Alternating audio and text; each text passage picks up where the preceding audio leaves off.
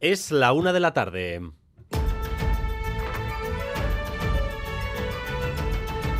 Crónica de Euskadi con Dani Álvarez. A Rachaldeón, cuando todos estamos, cuando todos están mirando a la interminable negociación entre Junts y el PSOE, el Lendakari vuelve a levantar la mano para recordar que solo con Junts no dan las cuentas y que los votos del PNV son necesarios.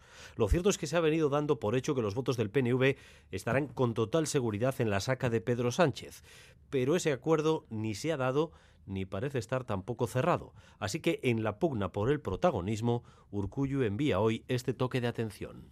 Creo que no solamente es eh, la resolución de las conversaciones entre el Partido Socialista Obrero Español y Junts lo que queda pendiente.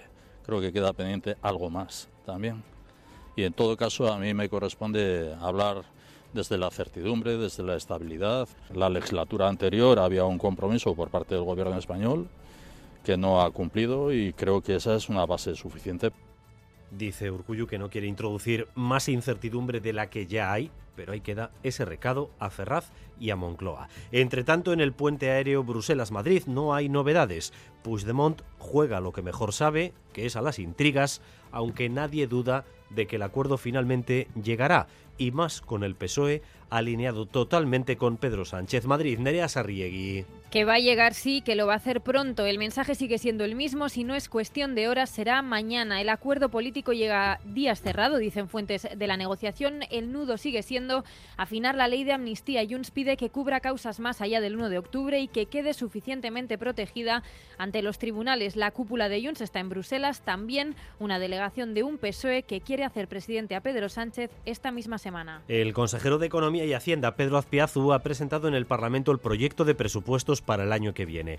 Y la presentación de esos números, que son los más nutridos de la historia, se ha convertido en una despedida anticipada del propio Azpiazu, que ha insinuado que estos van a ser sus últimos presupuestos, Rodrigo Manero. Sí, Pedro Azpiazu ha dado a entender que estas son sus últimas cuentas tras dos legislaturas al mando de las finanzas en Euskadi y a sus 66 años lo deslizaba así.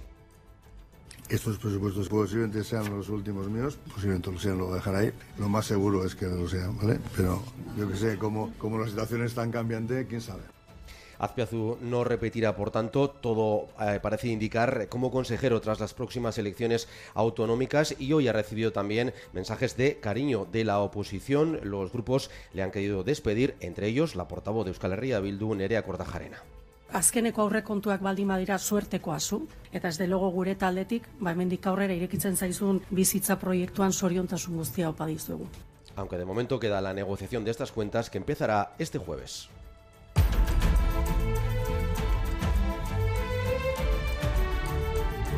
Hablando de cuentas, Forbes actualiza su lista de las 100 mayores fortunas en España. La inmensa mayoría están domiciliadas en Madrid o en Cataluña, pero hay seis cuentas corrientes vascas en esa lista.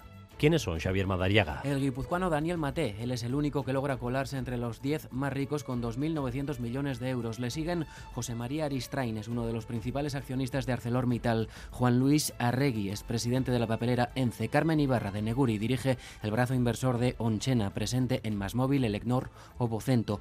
Víctor de Urrutia es propietario de Asúa Inversiones. Y Alejandro Aznar Sainz es dueño del grupo Ibarzábal y Marqués del Riscal. Este año son seis vascos en la lista de los 100 más ricos, igual que el año pasado.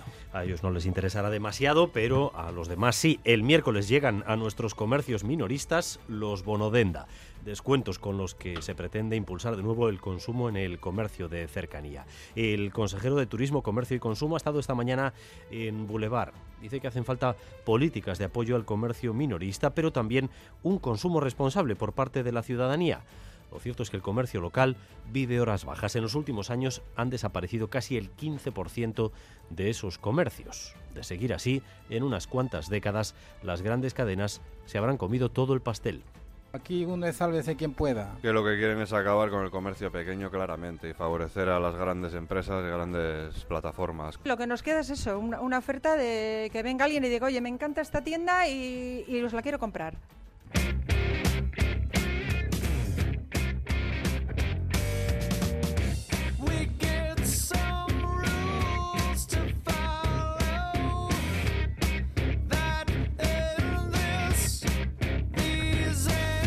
Estamos a principios de noviembre, pero empiezan a llegar ya los primeros anuncios para los festivales de verano de 2024.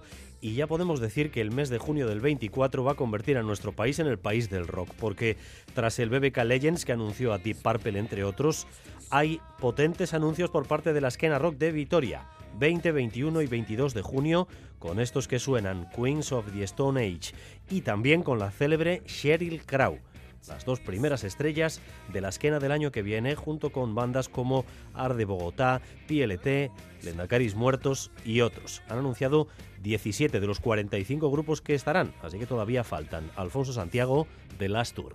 Vamos a anunciar 17 bandas y de esas 17 bandas, 16 nunca han estado en Mendizabala. Solo hay una que ha estado en Mendizabala, que es uno de los cabezas de cartel, que es Queens on the Stone Age. Tocaron en el 2005, en el 2011 en el décimo aniversario y estarán en el 2024.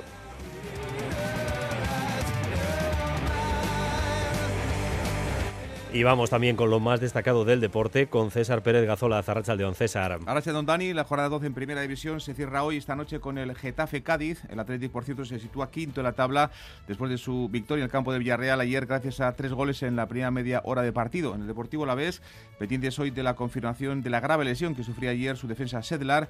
El central serbio podría tener roto el cruzado de su rodilla. Y en pelota, una vez eh, que ya está decidida la final del 4 y medio, la van a jugar en dos semanas Joaquín Altuna y Echeverría. Hoy turno para la cesta punta, segunda jornada de las Winter Series de Guernica. Alicia Kiaga y Johnny Barrucea se miden en la pareja formada por Johan Sorozábal e Imanol López.